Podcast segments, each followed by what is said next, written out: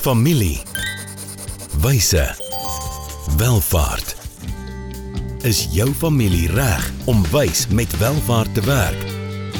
Welkom by die weeklikse gesprek waar kenners saam met families na eerlike antwoorde op moeilike vrae soek. Ontdek ware wyshede vir jou familie se welvaart. Ja, baie welkom terug Elmarie. Hallo, Willem. Ja, kan nie glo ons is in week 9. Kan nie glo nie. Ja, ons lekker gesels oor familiewyse welvaart, ja. Dalk vinnig ehm um, oor jouself, wie is Elmarie Venter vir mense wat dalk nou vir die eerste keer inskakel? Ja, ek is 'n professor by eh, Nelson Mandela Universiteit uh in Netedop. Um my navorsingsgebied en my opleidingsveld is uh familiebesighede en spesifiek opvolgingsbeplanning. Die sagter kant daarvan, nie die harde kant soos jy nie en dan uh ja, op die op die sideline doen ek graag konsultasies ook uh met families. Uh ek vind dit hou my op my tone as ek die opleiding doen om voorbeelde te gee en uh die, met die navorsing kan jy weer vice versa bring jy beste praktyke. So jy's nie net 'n prof nie, jy's 'n praktisyn ook. Ja, ek hou nie van die prof deur die laat mens oud voel. Right, goed. Ag nee, dis lekker. Ek fokus dalk nou weer meer aan die welvaartkant van goed. So um, ek kom uit uh, finansies waar ek 'n meestersgraad in beleggingsbestuur gedoen, maar ook later besef het, jy weet, die dieper goed is belangrik en toe 'n tweede meestersgraad in uh, in, in Teologie. praktiese teologie gedoen het. Dis 'n Oor oor oor oor welvaart, ja. Willem, want Ja. uh baie teoloë is bang om oor geld te praat, nee. O, En dis ja. 'n wonderlike kombinasie, Ja. want dit is baie belangrik. Nee, beslis. Ja. So ons gesels oor familie, familiebesighede, ons gesels oor welvaart en dan soek ek en Elmarie saam met julle na wysheid om hierdie moeilike pad te navigeer. Ons sê nie ons het al hierdie wysheid in pag nie, maar ons soek saam met julle en ons gaan soek baie keer bietjie dieper as wat mense gemaklik is om in hierdie ehm um, spasie te doen. Ons gaan soek baie keer ook ehm um, na betekenis, ons gaan soek na ons diep bronne, ons gaan kyk selfs na geestelike bronne want al hierdie goed speel tog 'n belangrike rol in wie ons as mense is. Goed, 52 episodes, 9 temas, maar ja, hierdie is ons 9de episode ook. Maar in ons eerste tema het ons juis diep gekyk wat dit beteken om waarlik ryk te wees. In hierdie tema gesels ons meer oor beplanning, finansiële beplanning en ons het in die ja, wel die eerste 2 van die 6 vrae, hierdie blok het ook 6 vrae, het ons in ons sewende episode die vraag gevra, moet 'n familie 'n finansiële plan hê? En ek dink Elmarie gaan Antwoord daar is 'n groot O, ja. ja, nee, Ja. definitief 'n ja. Verlede week het was vir my baie lekker episode gewees. Het ons bietjie meer uit gedragsfinansies op ons ou dag gefokus en gesê maar hen, as ons dan nou so gespaar het vir ons ou dag, kan ons nie maar bietjie spandeer in ons ou dag nie. En Ja. hoe kom daai balans tussen spaar en uh, uit te gee Ja. te hou en hoe dit miskien omdraai in 'n mense jy jy het 'n baie belangrike ding vir my geleer en dit is dat uh jy weet dit verander hoe ouer Hmm. jy raak maar om dan en dat jy selfs van jou kapitaal kan gebruik as jy afgetree het. Dis. Wat ek nie wat ek ook nie geweet het dis alright nie Ja. so Ja, waarvoor het jy Ja. dan gespaar, né? ja. Goed, vandag 'n baie interessante vraag en dit gaan oor hoe praat ons in families oor huwelikskontrakte. En ek dink hierdie is baie belangrik omdat daar 'n hoë ehm um, egskeidingssyfer in die wêreld is en dit raak nie net families diep nie. I mean al die pyn en trauma wat weet kinders deurgaan, maar ek dink dit raak ook familiebesighede baie diep. En ek dink veral mense in familiebesighede is baie versigtig as hier 'n nuwe skoonseun of skoondogter nou bykom en dalk op 'n manier deel raak nie altyd van die besigheid nie maar van die familiewelvaart wat as hier 'n egskeiding is en uh hierdie is so tipe van 'n area waar mense versigtig is om te praat jy weet die die paartjie is nou verlief ehm um, uh Boeta werk in die besigheid maar jeug die vrou wat hy mee trou hier ehm um, ons weet darm nie of hierdie huwelik gaan uitwerk nie ehm um, is sy nie maar eintlik agter sy geld aan nie. Uh wat as dit nie uitwerk nie? Gaan sy nie met 'n een, van ons plase weg of met 'n deel van die besigheid in die proses weg nie? Ehm um, kan ons 'n behoorlike huwelikskontrak skryf dat ons die familie en die familiebesigheid beskerm dat as so iets gebeur is die familie of die besigheid ten minste nie op risiko nie. Mm. Weet ek weet nie hierdie is die tipe van emosies hierdie ja. is hierdie is vir my baie moeilike ding vind ek by die familie saam met wie ek werk. Dis 'n Mhm. sensitiewe ding.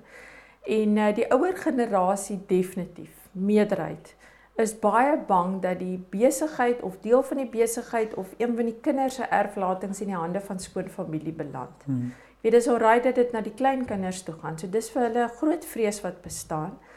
En ek wil dit miskien meer positief stel. Jy weet, ek dink dit is baie moeilik vir families om hierdie saak aan te raak want jy jy's eintlik negatief deur begin deur te sê maar oor jy ons gaan maar egskeiding is nie die enigste rede nie. Ek het verlede week vertel of die vorige episode vertel van hierdie ehm um, ehm um, waar die tweede generasie die die seun wat oorgevat het 'n ongeluk gehad het ja. net na oorgevat het.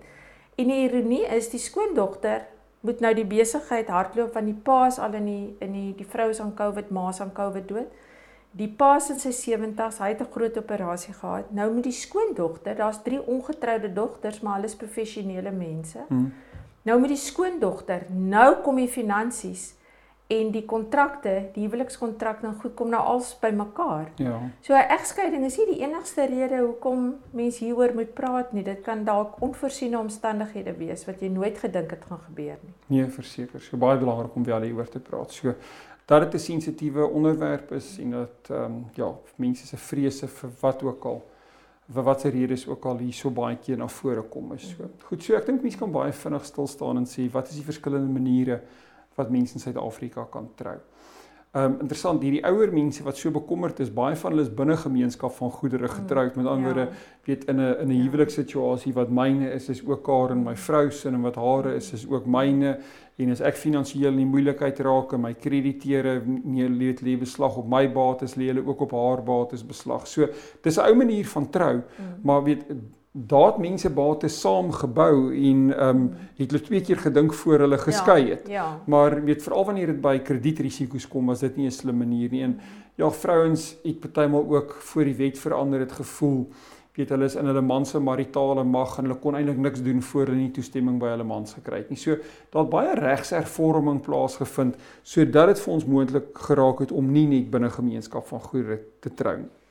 So om binne gemeenskap van goedere te trou, het jy nie huwelikskontrak nodig nie. So as jy nie 'n huwelikskontrak sluit nie, is jy per definisie binne gemeenskap van goedere getroud. So as jy niks doen nie, is jy binne gemeenskap van goedere getroud. So jy ehm um, die oomblik wat jy gaan en jy gaan registreer 'n huwelikskontrak, dan is jy tipies buite gemeenskap van goedere getroud, maar dan op een van twee maniere, met die aanwasbedeling of sonder die aanwasbedeling. So kom ons begin met die ouer vorm. So die oudste vorm is binne gemeenskap van goedere dan um, met 'n huwelikskontrak buite gemeenskap van goedere. Met ander woorde ehm um, wat myne is um, is myne en dit wat my vrou sin is um, is dan hare.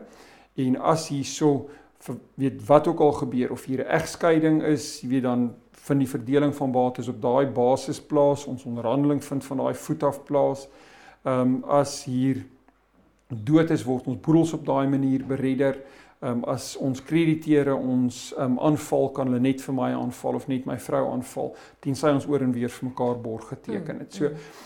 ehm um, besigheidsmense en veral mense wie in familiebesigheid is, uh, veral die partye wie uh, op die einde van die dag pa of ma staan vir die skuld ja uh is geneig om eerder buite gemeenskap van goedere sonder die aanwas uh, te trou.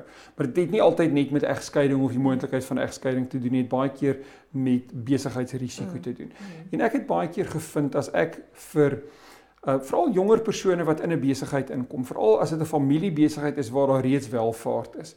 As ek dit so verduidelik, um, dan trek 'n mens baie keer ook die angel. Daar's 'n daar's 'n derde manier. Met ander die tweede manier hoe jy dan met 'n huwelikskontrak kan trou, is die derde manier van trou.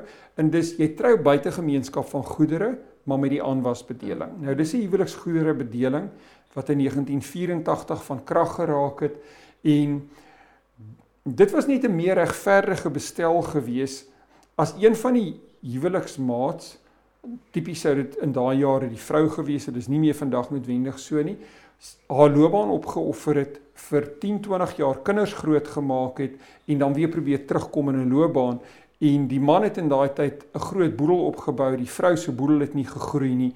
Kom ons sê hulle sou op daai stadium skei, dan sou sy moontlik aanspraak kon maak op helfte van die groei wat in sy boedel plaasgevind het. So oh, dit was ja ja.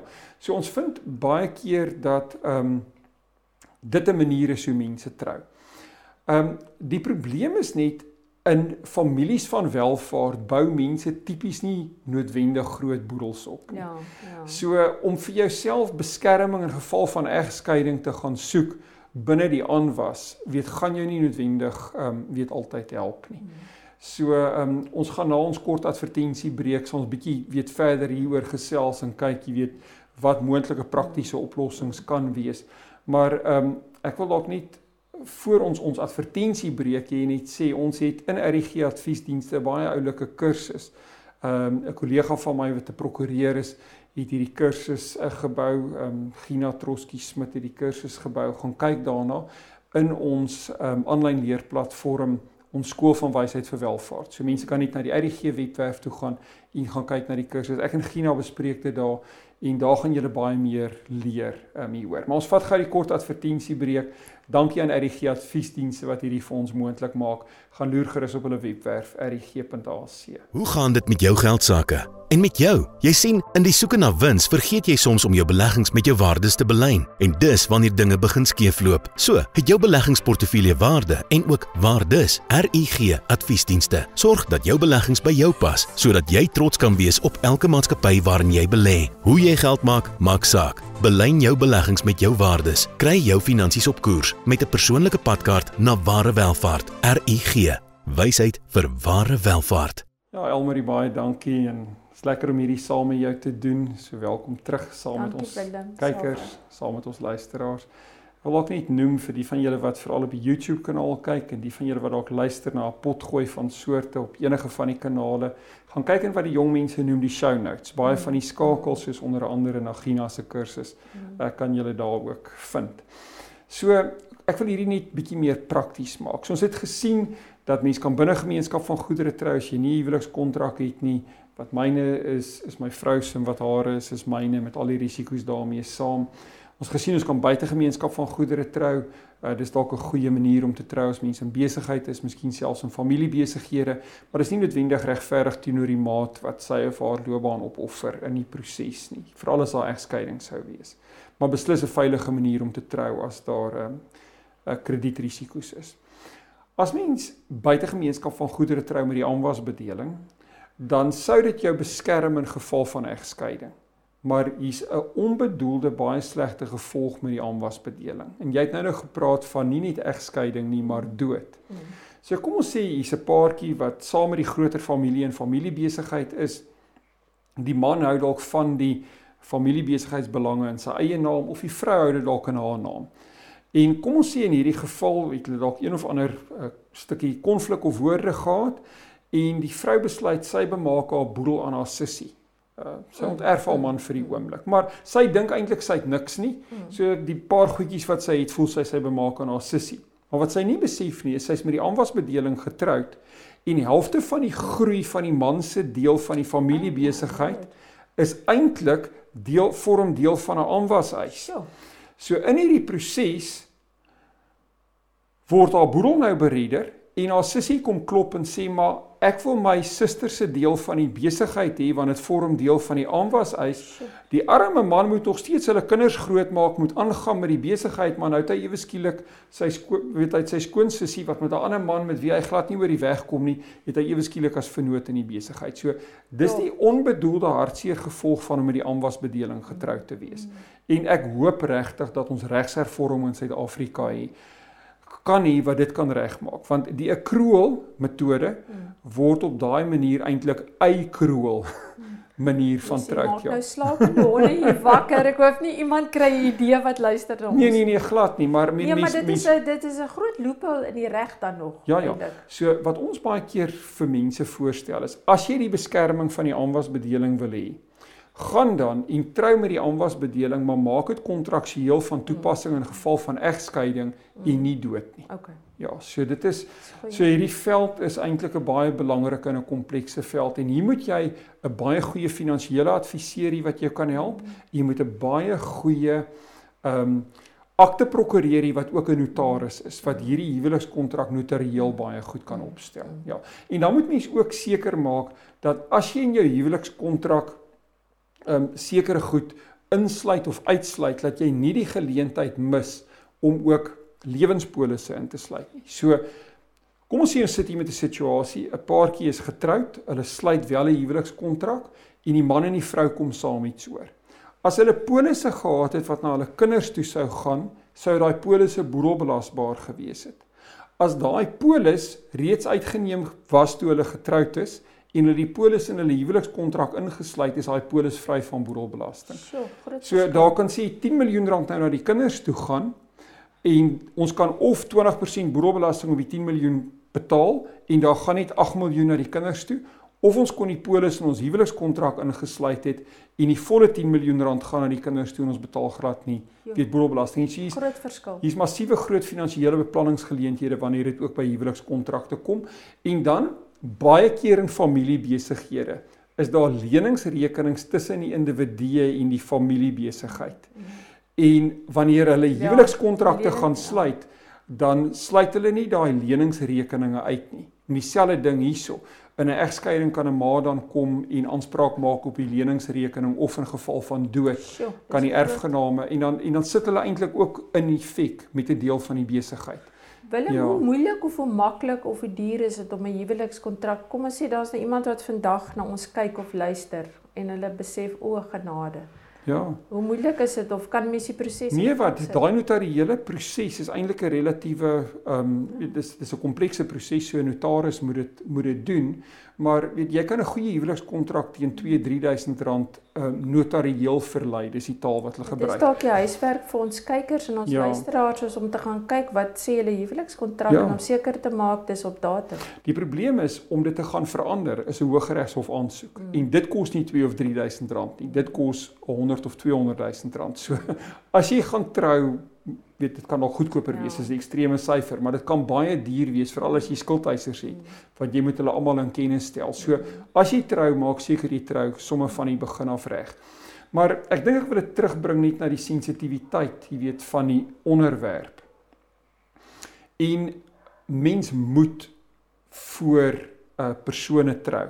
Veral weet wanneer dit by familiesake en familiebesigheid kom, moet 'n mens ehm um, die die die die die onderwerp opbring en 'n mens moet uit alle hoeke uit moet 'n mens hierdie ding bekyk en moet die families aan die aan die bruid se kant en aan die bruidegom se kant moet hulle volwasse wees om hierdie ding uit alle hoeke uit ehm um, weet te deurtrap En dit ja. gaan waarskynlik ook nie oornag gebeur nie. Um, Ja. Dit is waarskynlik gesprekke met verskillende rolspelers oor 'n oor 'n tydperk, nee. Ja. Jy weet ons vat baie keer die perspektief net van 'n man, maar ek meen ek's 'n pa van 'n dogter, maar kom sê ek het 'n familiebesigheid en ons welvaart in die familiebesigheid. En my dogter se vriendinne sê vir hom, luister, jy moet met die aanwasbedeling trou, want ehm um, as jou man bates bou, moet jy deel daarin. Maar as sy reeds in 'n familie van welvaart is en ek maak daai welvaart vir haar man oop, dan werk die aanwas eintlik aan die kant om. Ja, Dan kom deel ja, hy in ons familie ja, se welvaart ja. en bates, jy weet. Ja. En dan is dit dalk die verkeerde advies dat sy met die aanwas trou. Sy moet uit en uit dalk buite gemeenskap van goedere trou, ja. ja, sonder die Ja. aanwas. Jy weet, so hier's 'n klomp verskillende perspektiewe. Maar om dit terug te bring na 'n dieper gesprek. Ek hou daarvan om met mense hieroor te gesels, want ek sê vir hulle 'n huwelikskontrak is 'n kontrak en 'n huwelik is meer as 'n kontrak. Die huwelik in sy oorspronklike ontwerp is 'n covenant. Met ander woorde, as ons voor God en sy gemeente sê ons trou tot die dood ons eendag skei en ons bedoel dit, dan gaan ons nie so bekommerd wees of ons met of sonder die aanwasbedeling trou nie. Ons gaan finansiëel die regte ding in ons omstandighede doen. Maar ons gaan sê ons het geen intensie om te skei nie. Ons trou hierso as 'n as as iets wat ons bedoel om vir altyd te doen. En ek dink wanneer jy die gesprek lig van 'n kontrak na 'n covenant toe, dan gaan sê jy vir hierdie paartjie luister, weg van die familie en die familiebesigheid en die familie van julle oorspronge, verlaat julle vader en moeder, vorm julle 'n nuwe eenheid. Julle kan nog deel wees van die familiebesigheid. Julle bou julle eie welvaart, heel waarskynlik in 'n trust, nie in julle eie name nie. En jy as man is kapitaal en inkomste begunstigde in hierdie nuwe trust. Jou vrou is jou gelykie, sy is kapitaal en inkomste begunstigde in hierdie trust. Jy het geen bedoelings van egskeidings nie. As daar 'n egskeiding is, word hierdie trust deel van daai egskeidings geding en julle deel billik teenoor mekaar. As daar goed is wat julle nie deel nie en julle het kinders, is daai julle kinders se goed en julle hanteer dit eendag na 'n egskeiding op 'n volwasse manier. So ons moet versigtig wees om net op die huwelikskontrak vas te val. Hier's ander dimensies tot die gesprek en ek dink 'n mens moet mens moet kundige mense kry.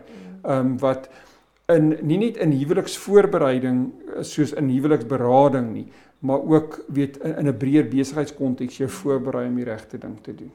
Dis ongelooflik interessant jy kan vir ure luister.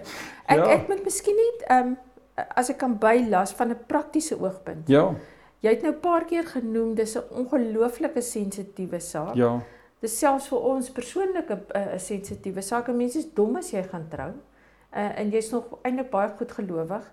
Maar weet jy wat ek doen in my konsultasies? Is ek het 'n uh, een van die aspekte wat ek ehm um, die familie laat oor praat uh, wanneer ons die grondwet doen, die familie ja. grondwet of die family constitution. Ja. Uh amper my dom hou en dan praat so oor die eienaarskapstruktuur en hoe draai jy welvaart oor? Hmm. Net om my gesprek aan die gang te kry, want ja. iewers moet jy hierdie baie sensitiewe gesprek. Ja, dis 'n olifant in die vertrek. Wat is julle nee. eienaarskapstruktuur? Hmm. Want dit is vir my soos ek genoem het al, dis my skokkend hoe baie mense weet nie eers presies hoe lyk die eienaarskapstruktuur. Wie gaan erf? Hoe gaan hulle erf? Jy weet hoe deel jy en dan uh, miskien as jy gee my nou baie goeie idees om ook dat dat mense nie net na testamente kyk nie, maar na hulle kontrakte voor huwel en as daar kinders is wat op pad is om te gaan trou. Ja. Jy weet inderdaad jy kundige mense nodig om te verduidelik hoe werk hierdie proses ja. want dit is 'n dis 'n kundige onderwerp. En daai adviseer moet die uh, familiebesigheid waar daar moontlik ingetrou word goedken en verstaan, mm. maar daai persoon moet ook die ander party ja.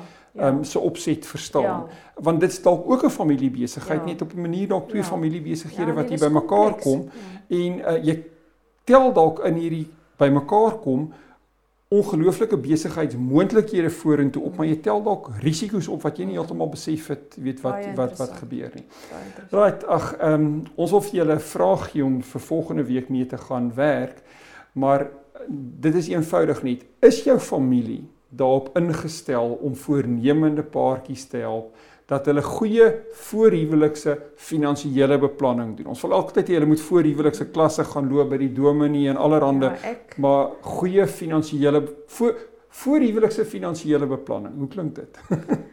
my my my my voorgevoel sê vir my ek dink die antwoord van baie mense gaan nee wees. So dit is ja. baie daarom krities belangrik dat 'n eh, dat jy gaan kyk hierna.